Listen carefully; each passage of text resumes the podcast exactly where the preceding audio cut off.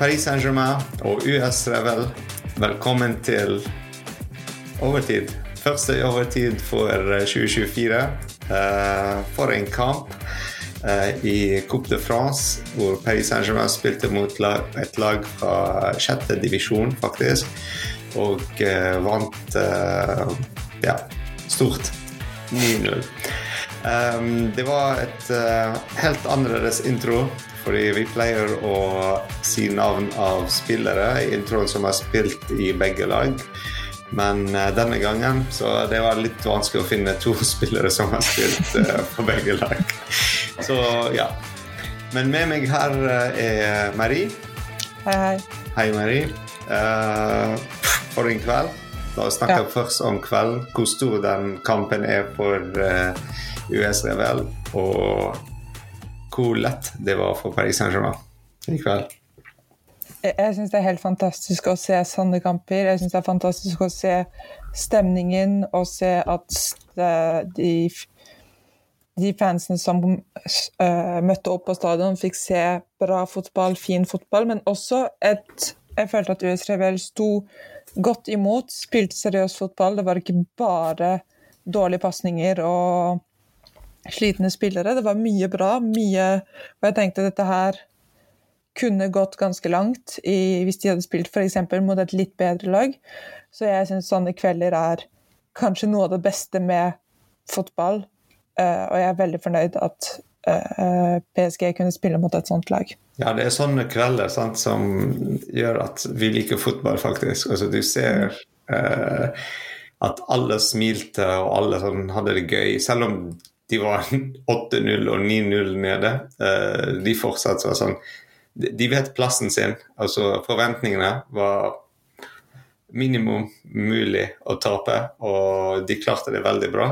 Uh, og de har spilt bra, som du sier. Mhm. Altså, vi må ikke glemme at de hadde ni skudd og fem av de på mål, så det er noe uh, to-tre sjanser som var òg vanskelig for Forsvaret og Navas å stoppe. Så det var litt, litt interessant eh, kamp å se og analysere. Og apropos Navas, la oss snakke om Start 11. Let's go. Navas tilbake i mål etter ett år uten uh, kamper. Det var òg uh, en ny sånn historisk uh, milepæl for uh, PSG. Um, Mukiele, som spilte på høyresiden, og Beraldo fra start, fra første kamp, eh, forsvar på venstresiden.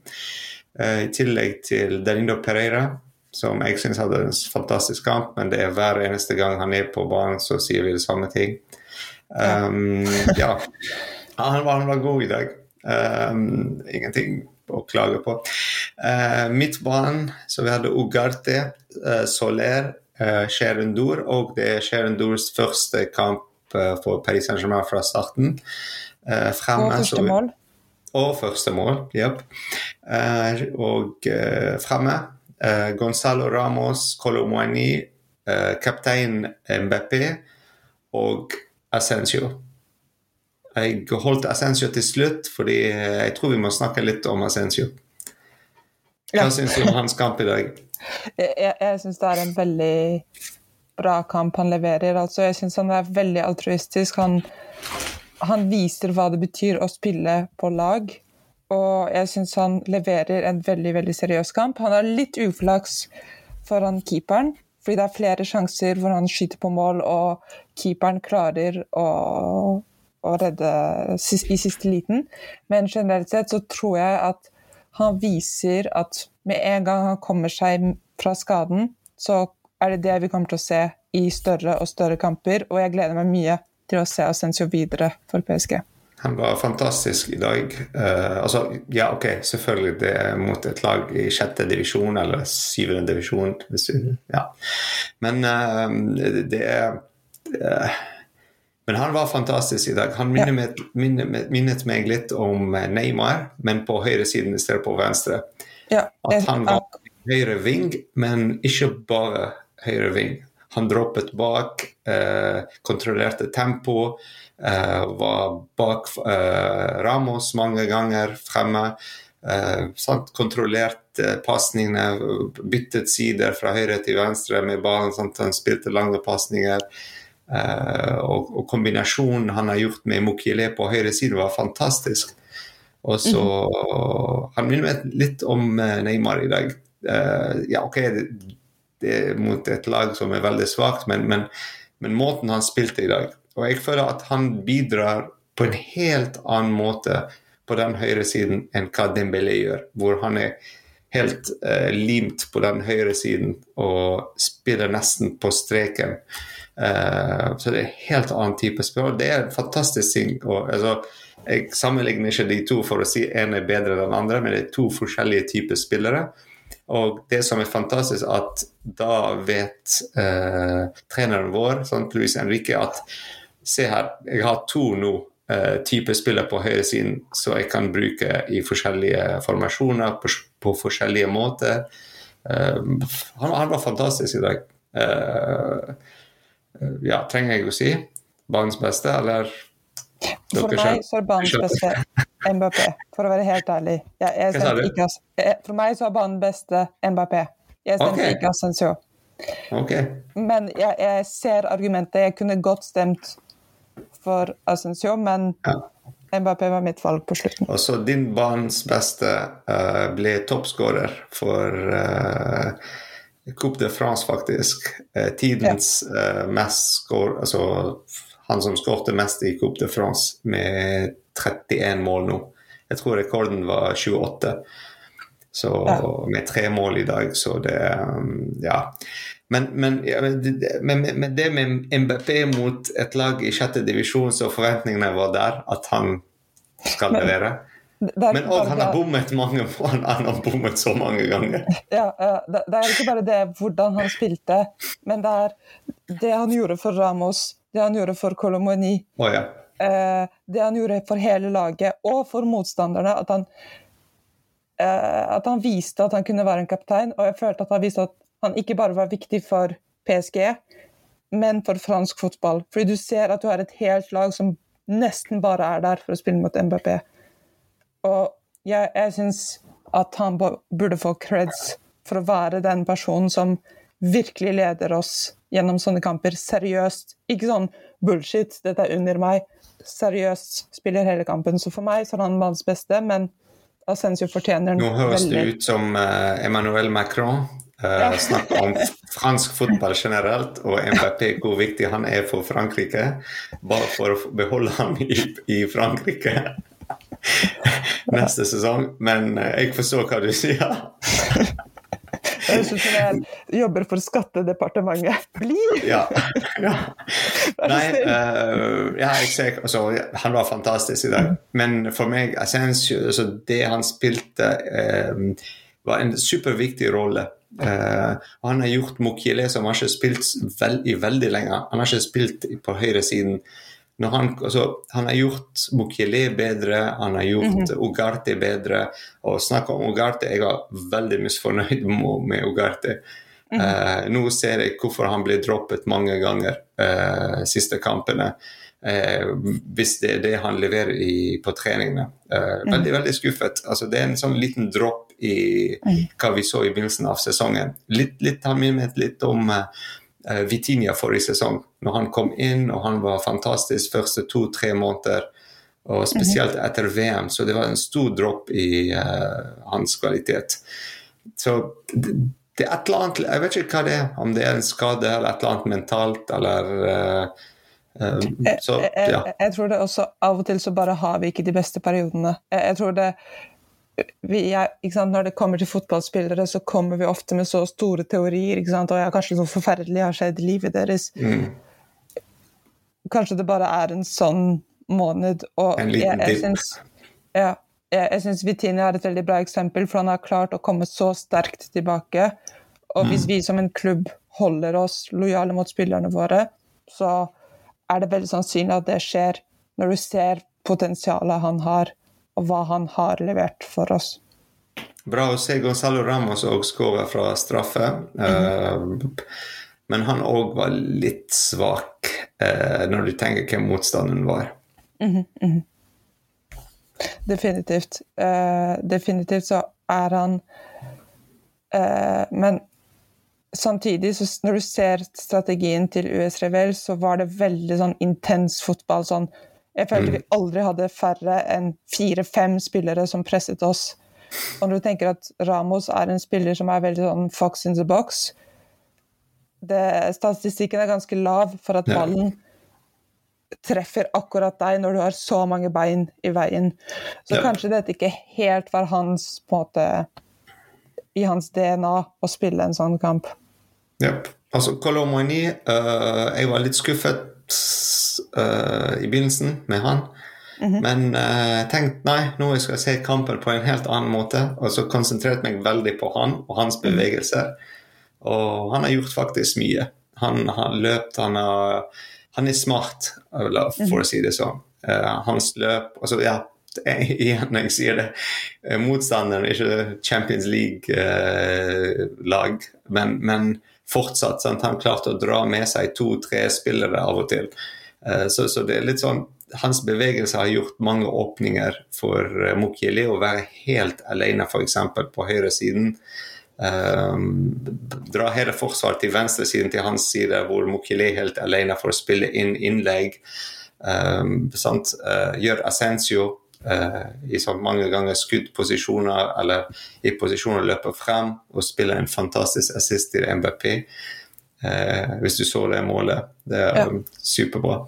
Eh, så ja. Jeg, jeg, jeg syns han jobber ganske hardt defensivt, og det er noe vi må gi han, fordi det er noe vi har kritisert så mange andre spillere for. Mm. Og å se en spiller som har blitt kjøpt for 100 millioner euro, som var toppskårer i, eh, nesten toppskårer i Bundesliga forrige sesong, presses så hardt defensivt i en slik kamp hvor du tenker hvis vi ikke presser så hardt, så, så skjer det mest sannsynlig ingenting. Vi kan la keeperen og forsvaret håndtere dette, men jeg syns det viser mye om hans mentalitet og hvor klar han er uh, for å jobbe for dette laget. Så som, som du sa, ikke en veldig sånn over the top-kamp når det kommer til performances, men det er, det er en god start. Noe å bygge på. Ja. Og det jeg, liker, jeg likte, er den uh, fight spirit de hadde. Altså, selv om altså, det er PSG, uh, som er Champions League-lag, spiller mot et sånn lavt nivå fotballag, Uh, de spilte ikke på den måten. De spilte nei, vi er profesjonelle fotballspillere, folk har betalt for å se oss. Vi skal levere alt vi kan. Vi skal spille best vi kan. Hver sjanse vi får, vi skal skåre. Hver gang vi får straffe, så vi skal skåre den. Det er ikke sånn. Men òg på en sånn fair play-måte samtidig.